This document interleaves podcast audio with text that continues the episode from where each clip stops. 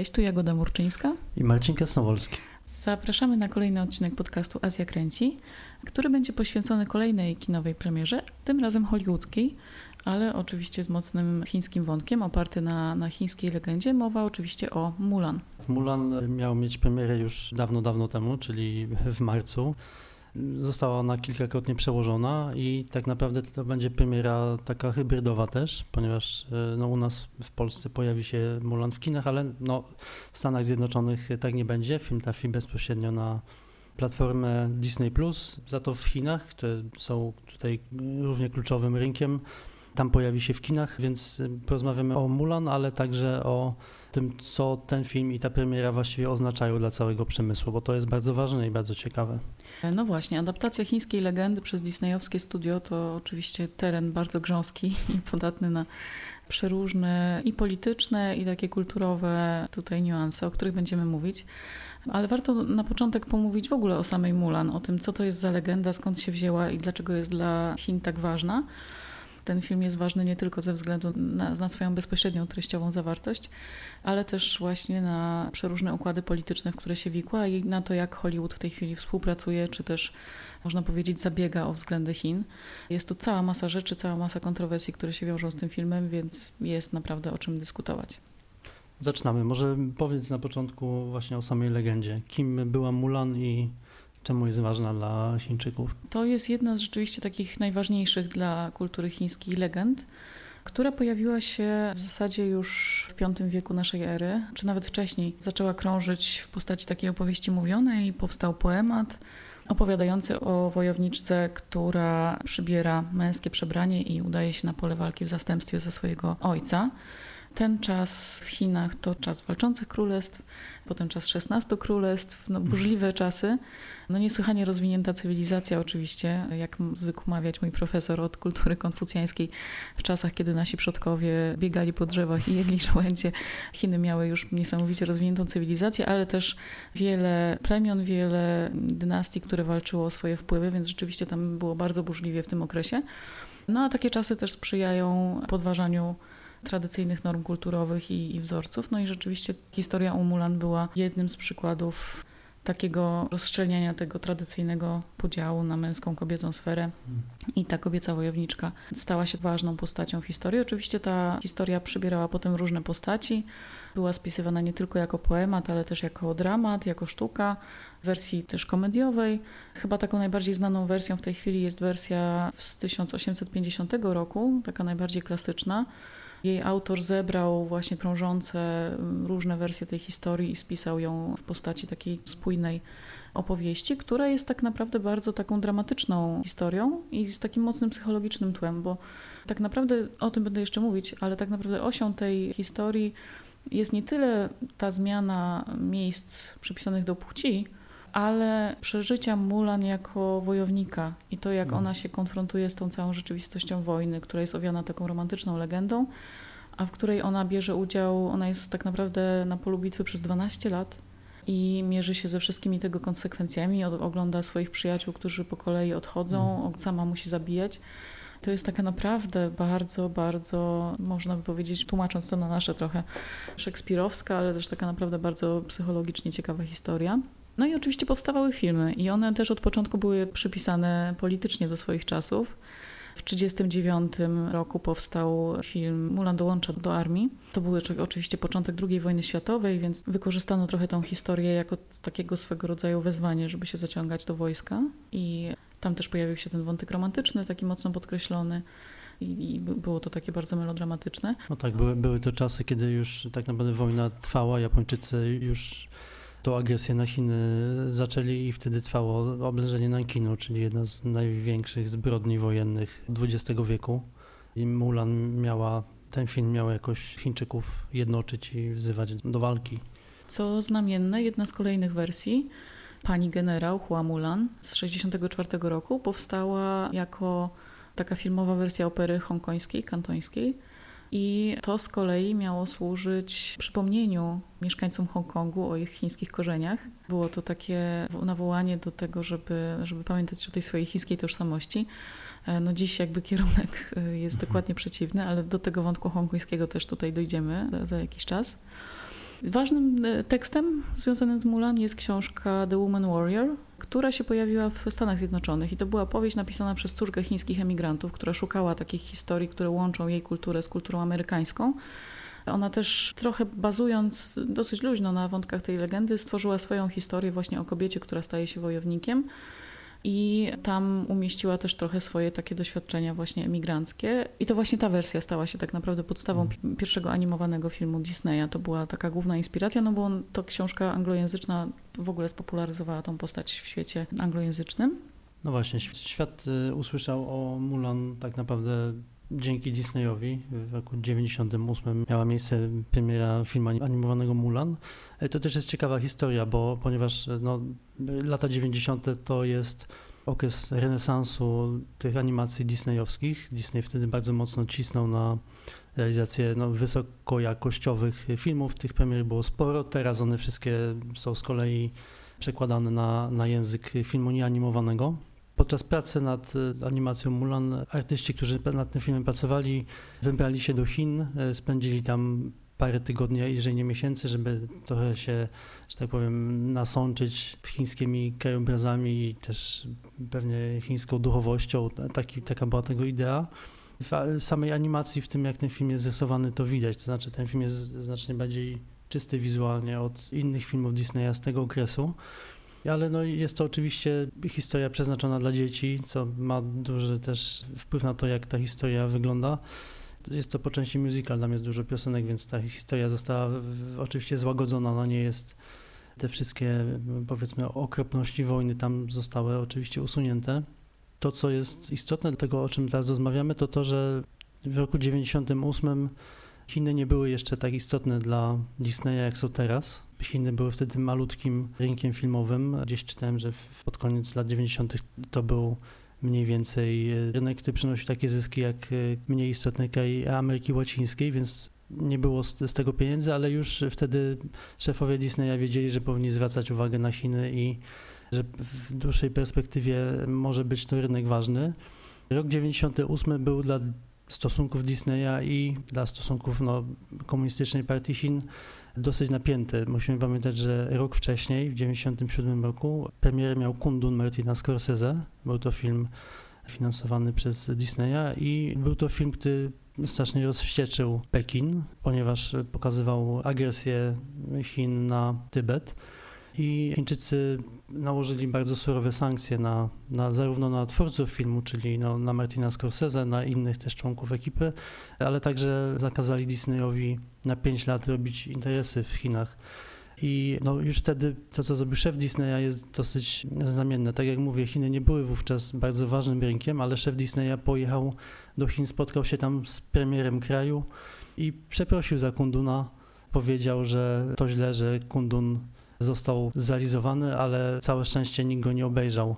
Jest to mocne słowa i proszę sobie wyobrazić, jaki jak w zasadzie jest to wstyd tak naprawdę dla tej korporacji, dla Disneya.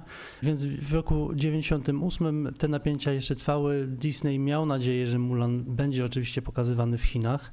Wówczas Chińczycy zgadzali się na 10 nie chińskojęzycznych filmów rocznie na swoich ekranach. Po jakimś tam przeciąganiu liny Chińczycy w końcu się na to zgodzili, ale Mulan dostała premierę w bardzo takim nieciekawym powiedzmy okresie, więc y, nie miała szans na dobry wynik finansowy, a zresztą sami Chińczycy ten film średnio jakby pozytywnie przyjęli, więc y, warto zauważyć, że w roku 98 ta y, animacja, która spodobała się generalnie na całym świecie i była dużym sukcesem, spotkała się też z dobrym przyjęciem krytyków. W samych Chinach jeszcze nie została odebrana pozytywnie. To jest ważne także w kontekście tego, w jaki sposób przygotowywana była ta wersja Mulan, którą będziemy mieli okazję zobaczyć za parę dni w kinach. Oczywiście Chińczykom nie podobało się do końca, jak Amerykanie przedstawiają tę historię z wielu względów. Pomijając już tam detale historyczne i jakąś nie, trochę nieadekwatność, jeśli chodzi o krajobrazy, takie drobiazgi, no to y, ulubiona postać zachodniej publiczności, czyli mały gadający smog, to nie był dobry pomysł i dlatego zniknął zresztą mhm. z wersji, którą zobaczymy w kinach, bo jednak smok w kulturze chińskiej to jest bardzo poważny symbol, z którym nie, nie warto aż tak żartować. Oczywiście w chińskich animacjach też pojawiają się smoki przeróżne, ale jednak no, to są bardzo szlachetne postaci mm. fikcyjne, ale tutaj no, odebrano to trochę jako takie żarty z, z bardzo ważnego symbolu kulturowego. Ale tak naprawdę najważniejszą sprawą było przesunięcie akcentu, rzeczywiście takie typowo amerykańskie, na to, że ta decyzja Mulan o przemianie w wojownika jest taką motywacją bardzo indywidualną. Ona w, w animacji jest przygotowywana do małżeństwa, co bardzo rzadko się pojawia, nie wiem czy w ogóle się pojawia w tych chińskich oryginalnych wersjach tej legendy. I no tutaj ona tak naprawdę trochę ucieka z domu, właśnie przebierając się za mężczyznę i uciekając na pole walki. No zdecydowanie w chińskiej wersji to nie jest o tym historia. To nie jest historia o samorealizacji, o mhm. poszukiwaniu mhm. własnej drogi. To jest absolutnie historia o podporządkowaniu rodzinie, o ratowaniu rodziny honoru, o jakby przejmowaniu, zastępowaniu ojca w tym wszystkim. I tutaj ta, to posłuszeństwo i taka lojalność rodzinna to jest absolutnie sedno tej historii i to jest tutaj najbardziej ważne. No i tak, jak tylko zaczęło się mówić o tym, no rzeczywiście to był taki film bardzo pokoleniowy. Dla wielu, zwłaszcza dziewczyn, to jest taki formacyjny film i jedna z takich feministycznych narracji, które Disney zaczął wtedy właśnie mocno wspierać. I kiedy zaczęło się mówić już bardzo w sumie szybko w latach 2000 o tym, że powstanie może jakaś wersja aktorska, no to Chińczycy postanowili wyprzedzić ten ruch mm. i zrealizowali swoją taką wysokobudżetową wersję z 2009 roku.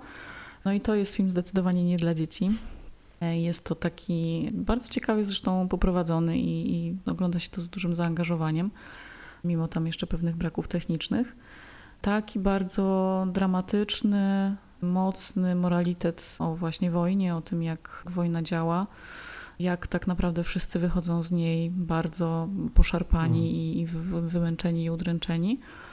No ale tu właśnie e, Mulan, mimo tego, że pojawiają się tam i te wątki romantyczne, i ten wątek tego, jak ona się mierzy z byciem kobietą w męskim stroju, są tam też takie zabawne sytuacje z tym związane, no bo to prowokuje do takich lżejszych elementów historii, to jednak nie tutaj jest główny nacisk tej historii. No i już po trailerach Mulan 2020 widać, że rzeczywiście twórcy mocno inspirowali się tą właśnie wersją. Mulan Disneyowska, najnowsza, jest zresztą przypisana do kategorii powyżej 13 roku życia. I jest tam znacznie więcej takich poważnych wątków mm. i, i, tego, jak Mulan mierzy się z, z tą dramatyczną sytuacją bycia na wojnie po prostu. No tak, i też pierwsze reakcje krytyków, którzy mieli okazję oglądać ten film jeszcze w marcu, świadczą o tym, że to bardziej dojrzałe spojrzenie na tą historię wyszło Disneyowi na dobre. Jest to film, który już teraz jest najlepiej oceniany ze wszystkich tych remake'ów disneyowskich.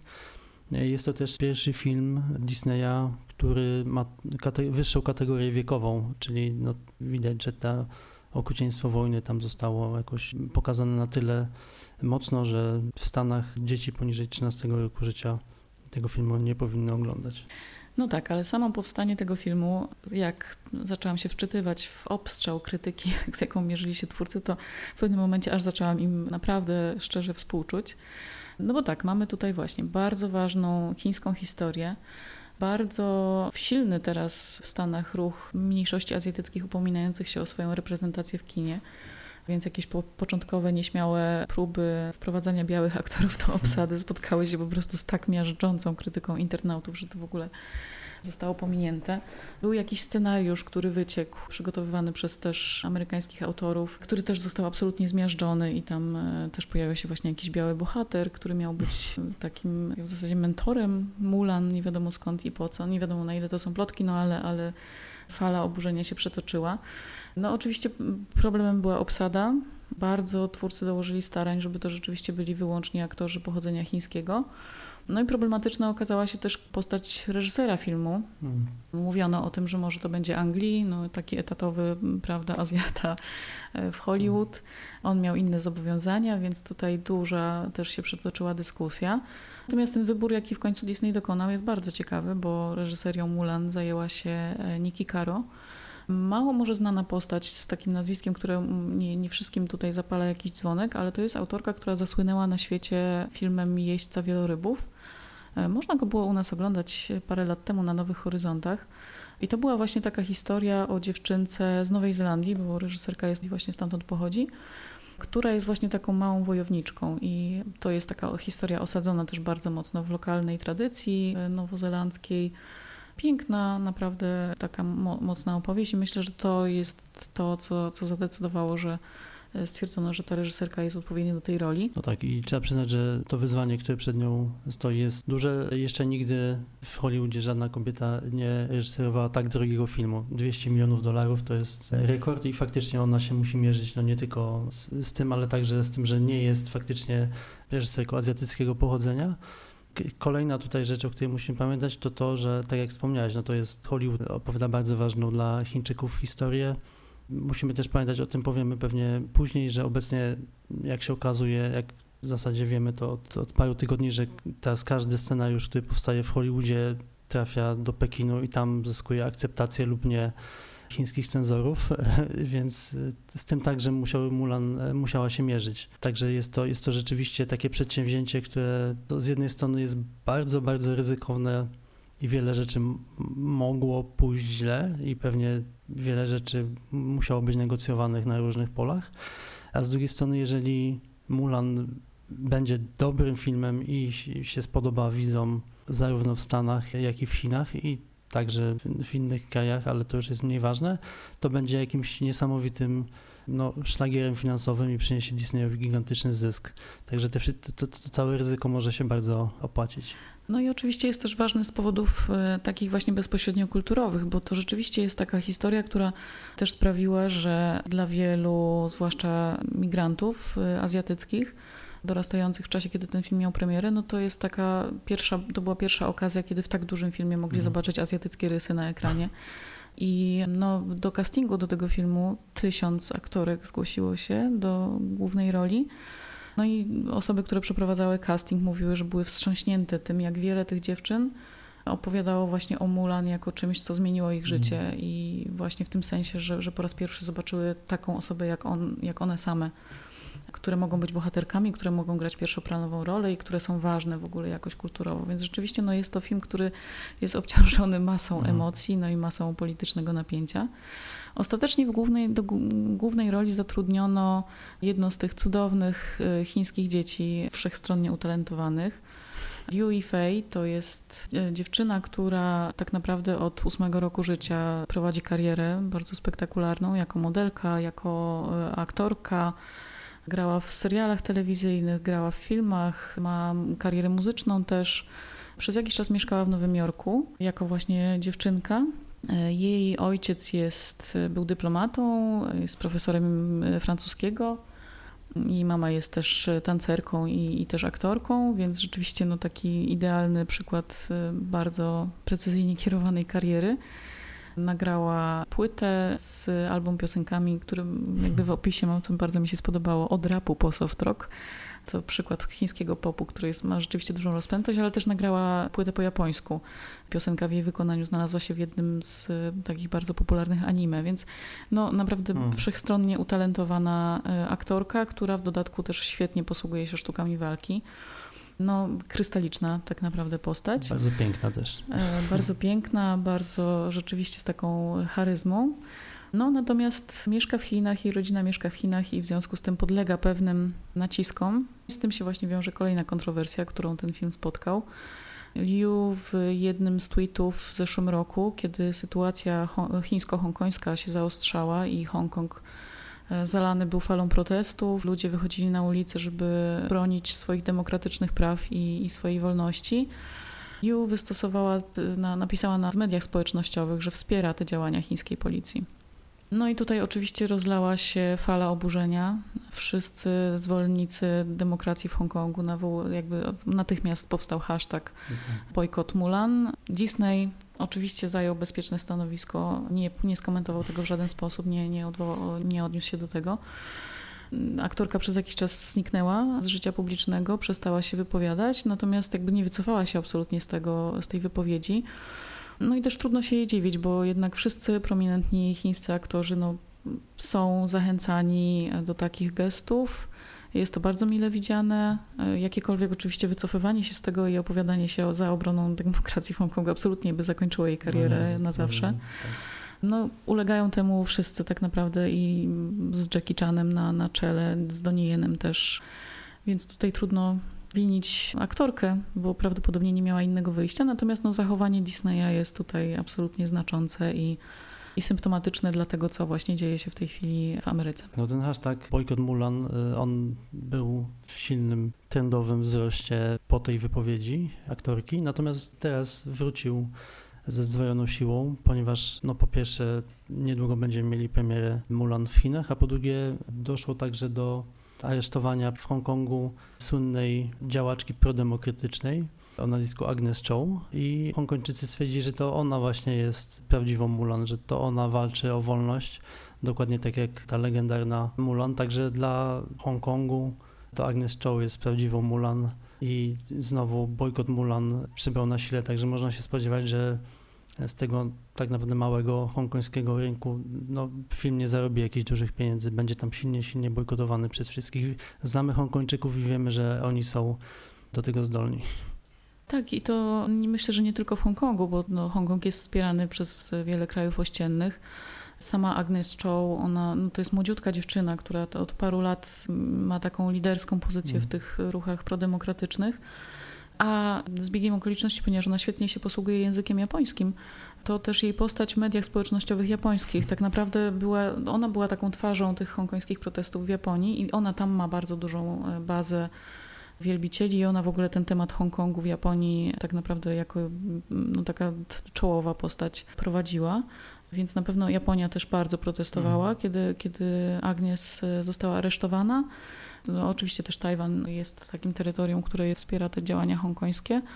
A teraz jeszcze dochodzi do tego Tajlandia, bo tam też młodzi ludzie wyszli na ulicę i tu już kompletna dygresja, ale to też jest taki protest, który ma takie popkulturowe zakorzenienie, bo tam protestują młodzi ludzie, licealiści, studenci, którzy z kolei odwołują się do Igrzysk Śmierci, do postaci Katniss. I też ta postać Agnes, właśnie tej prawdziwej Mulan, też jest ważna mhm. dla tego ruchu, więc gdzieś tam się to pojawia nie tylko w samym niszowym Hongkongu, więc myślę, że też Disney nie docenia aż tak mocno tej siły właśnie mediów społecznościowych i tych młodych ludzi, którzy naprawdę wiedzą, o czym mówią i, i mają taką polityczną wrażliwość, e, o którą pewnie by ich wielu właścicieli Disneya nie, nie podejrzewało. E, ale tak, to na stronie, taka uwaga. To oczywiście nie jedyny problem, z którym się mierzył ten film jeszcze przed premierą, bo druga kontrowersja skierowana do zupełnie innych środowisk to usunięcie jednego z bohaterów Li Shang to bohater, w którym łączy Mulan taka romantyczna relacja w tej wersji animowanej. Tutaj zniknął. Oficjalnie jest to uzasadniane taką wrażliwością na kwestie związane z ruchem MeToo i na taką zależnością właśnie dosyć niezdrową, że tutaj mamy dowódcę i dziewczynę, którą łączy z nim taki związek, który w zasadzie wykracza poza takie czysto zawodowe mhm. relacje. Ale to bardzo zdziwiło fanów Mulan animowanej, no bo w zasadzie to, tak naprawdę ich, ta relacja zachodzi dopiero jak już wszystko się kończy i, i nie ma o tym mowy wcześniej, więc nie jest to żadne wykorzystywanie pozycji do mm, jakichś niecnych celów. Natomiast podejrzenia internautów kierują się w stronę tego, że dosyć powszechnie Li Shang jest interpretowany jako postać biseksualna, bo on rzeczywiście zaczyna się zakochiwać Mulan, kiedy ona jest w mhm. męskim przebraniu. Mhm.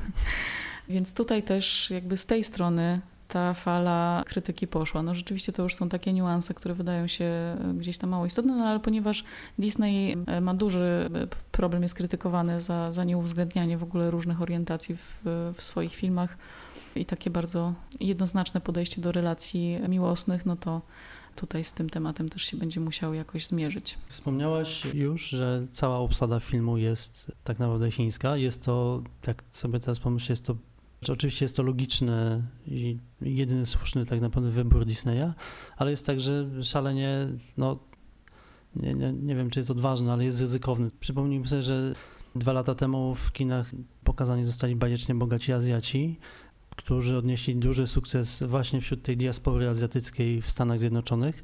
I był to zaledwie drugi hollywoodzki film, w tym obsada była w całości azjatycka, e, a tutaj mamy nagle no, film, który kosztował 200 milionów dolarów i nie ma ani jednego hollywoodzkiego aktora. Promocja tego filmu nie będzie mogła się odbywać właśnie przez jakieś znane nazwisko, które będzie się kojarzyło wszystkim widzom, wszystkim krytykom i tak dalej.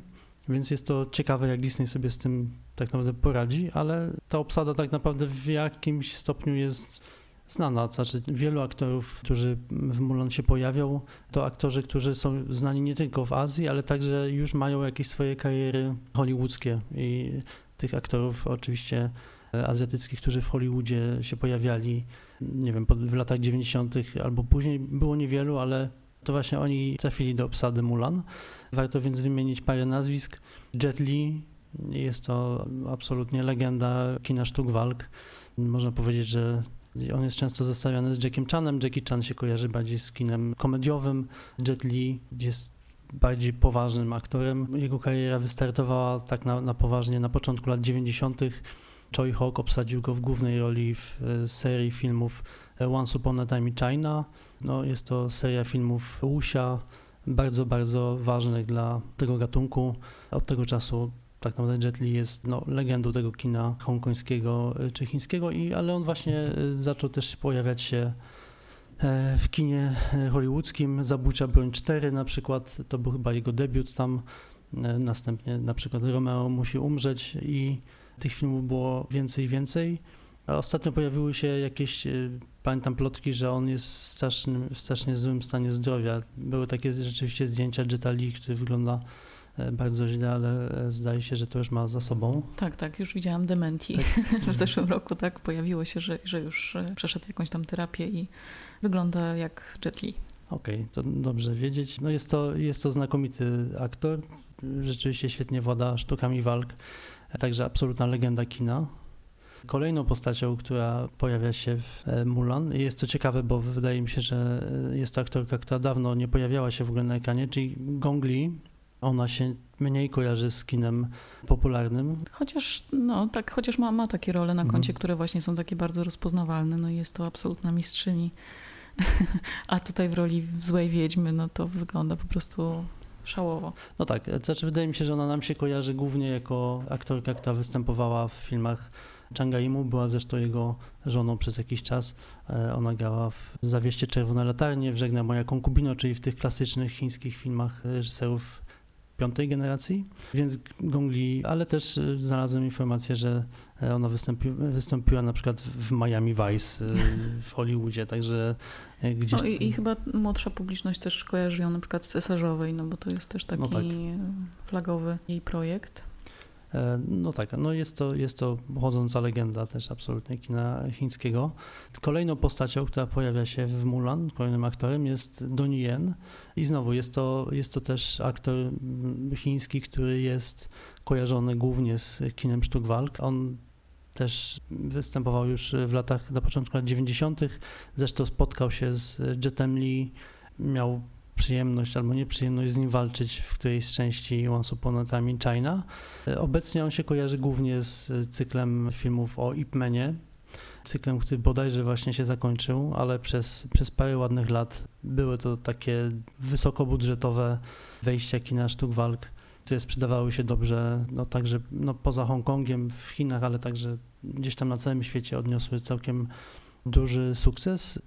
Donnie Yen jest też ważny dla, w kinie hollywoodzkim on się pojawił w e, Łotrze 1 w odsłonie Gwiezdnych Wojen i trzeba przyznać, że no ta jego rola tam była no, dobrze napisana, była rozwinięta i faktycznie była to powiedzmy jedno z najlepszych obsadzeń aktora azjatyckiego w, w takim kinie mainstreamowym. Tak, bardzo się tutaj twórcy Gwiezdnych Wojen postarali, żeby jakoś uwiarygodnić i faktycznie no, w miarę to się udało. Natomiast tutaj on rzeczywiście popisuje się sztukami walki niesamowicie i znalazłam wywiad z Niki Caro, która mówi, że no nie, nie zna się tak bardzo dobrze na, na kinie sztuk walki i jak kręciła pierwszą scenę, gdzie Donnie posługuje się mieczem, to zrobiła wielkie oczy i kazała sobie to nakręcić w slow motion, bo nie była w stanie uwierzyć, że ktoś może to robić tak szybko. E, no i rzeczywiście są już te takie fragmenty wycięte właśnie z nim, kiedy, który, który popisuje się przed młodymi adeptami tą swoją umiejętnością. No i rzeczywiście jest to bardzo spektakularne, bez żadnych efektów specjalnych. No i właśnie, bez żadnych efektów specjalnych. Ten film był dla tego też taki drogi, że bardzo dużo kręcono w rzeczywistych lokacjach. Nie korzystano jakoś bardzo śmiało z CGI i Film był kręcony w Nowej Zelandii. Głównie w mm. Nowej Zelandii. Z tym, e, tak. tak, trochę było w Chinach e, mhm. zdjęć, ale, ale właśnie głównie Nowa Zelandia i te góry tam grają stare Chiny, co ma pewnie sens, bo nie są tak zanieczyszczone jak dzisiejsze Chiny i, i mogą udawać te przedwieczne, piękne rejony. No, oczywiście już widać po trailerze, że właśnie zadanie twórców było trudne i masę y, komentarzy, analizuje każdy detal, że naprawdę bardzo się tam wszyscy starali i na przykład w trailerze widać takie charakterystyczne okrągłe domy, które są faktycznie mhm. bardzo typowe dla tego regionu, chociaż parę wieków później, a ubranie z kolei głównej bohaterki to ślubne też trochę wiek wcześniej, więc tam takie niuanse, no niestety po prostu internauci znajdą każdy taki detal i, i będą go analizować. No ale mimo wszystko całość prezentuje się bardzo imponująco i rzeczywiście jest to ciekawe. Tak, myślę, że też warto teraz powiedzieć, co się zdarzyło przez to no, 22 lata, że twórcy tego filmu musieli zacząć się, już nie, nie pojechali do Chin tylko na trzy tygodnie, żeby natchnąć się i zaczerpać chińskiego ducha, tylko dlaczego musieli tak bardzo liczyć się z, tak naprawdę z, z Chinami i z opinią e, zarówno ludzi, którzy tym krajem rządzą, ale także zwykłych Chińczyków, którzy będą ten film oglądać u siebie w kinach. Się, że wspominaliśmy o tym w, w tym z poprzednich, pewnie nie jednym odcinków Azja Kęci, no ale powiedzmy to jeszcze raz, że w, w międzyczasie Chiny stały się gigantycznym rynkiem filmowym. Obecnie są no, ciągle jeszcze drugim rynkiem filmowym po Stanach Zjednoczonych, ale przypuszczam, że w tym roku zamienią się miejscami, ponieważ Chińczycy wrócili już do kin, a e, Amerykanie ciągle jeszcze siedzą w domach i mogą tylko marzyć o, o tej rozrywce. Tak, to jest znamienne, że Mulan w ogóle wchodzi do kin w Chinach wcześniej niż w mhm. Stanach Zjednoczonych, co jest oczywiście związane też z taką polityką antypiractwa, bo, bo jednak Chiny sobie świetnie radzą z kopiowaniem hollywoodzkich filmów. No ale sam ten gest, że, że właśnie mhm. widzowie tam zobaczą ten film tydzień wcześniej niż, niż cała reszta świata, też wiele mówi o tym, jak przygotowywana była ta produkcja. Dokładnie tak. No, to, to się teraz zdarza, więc jest tak, że od kiedy Chińczycy zaczęli chodzić do kina, a zaczęli chodzić do kina tak masowo mniej więcej dekadę temu, może troszeczkę wcześniej. No i faktycznie jest tak, że to jest statystycznie codziennie przez ostatnią dekadę w Chinach przybywało dziennie kilkanaście, a nawet kilkadziesiąt sal kinowych. I obecnie Chińczycy mają tych sal kinowych najwięcej. I są to kina budowane głównie w miastach oczywiście. I są to kina bardzo, no nie wiem czy luksusowe to może za dużo powiedziane, ale bardzo wystawne, bardzo eleganckie, takie, które kojarzą się bardziej z takim złotym czasem Hollywoodu, czasem już minionym. Chińczycy ta nowa średnia klasa chińska odkryła przyjemność chodzenia do kina. No i faktycznie zaczęli oglądać tych filmów coraz więcej. Natomiast oczywiście Chiny nie są państwem demokratycznym, jest to rynek mocno kontrolowany przez, przez władzę, czyli przez Chińską Partię Komunistyczną. Partia pozwala na wprowadzenie tylko 36 filmów, nie chińskich filmów rocznie, co pozwala im kontrolować to, co się w kinach pojawia i sprawia, że studia hollywoodzkie walczą o każde to miejsce, dostosowując do potrzeb chińskiej partii komunistycznej treść swoich filmów, co brzmi i jest tak naprawdę szalenie, nie wiem jakiego słowa teraz użyć, no, groźne i niebezpieczne, trochę zabawne. Tak, no to jest naprawdę niesamowite, jak sobie pomyśli się o tym, że naprawdę ten e, wydawałoby się największy, najbardziej mm. potężny przemysł rozrywkowy świata. I jak mało się o tym mówi też, że to jest bardzo mocno zależne od no, rządu jednego z najbardziej mm. kłopotliwych imperiów e, światowych. No tak, dokładnie. To znaczy, mówi się teraz, że wchodzimy w fazę zimnej wojny między Stanami Zjednoczonymi a Chinami i widać to no, tak naprawdę coraz mocniej na innych polach, na przykład no, oczywiście na, na polu militarnym, technologicznym. E, no tak, Donald Trump teraz stara się zakazać w Stanach Zjednoczonych TikToka i WeChata i prawdopodobnie mu się to uda. Także no, trwa takie przeciąganie liny i te stosunki między Chinami i Stanami Zjednoczonymi są obecnie bardzo chłodne, a będą prawdopodobnie lodowate. I oczywiście sytuacja związana z, z, pandemią tego nie poprawi. Musimy też pamiętać, że w listopadzie mamy w Stanach Zjednoczonych wybory prezydenckie i Donald Trump no, musi postawić się mocno Chinom. Zresztą jego kontrkandydat Joe Biden też zamierza obrać taki mocniejszy kierunek, jeżeli chodzi o Chiny. Natomiast Hollywood stara się zrobić wszystko, żeby tego chińskiego widza i chińskich decydentów do siebie nie zrazić, ponieważ no, cała, można powiedzieć, strategia tego przemysłu, tak jak mówiłaś, jest to największy, tak naprawdę od zawsze największy przemysł filmowy na świecie.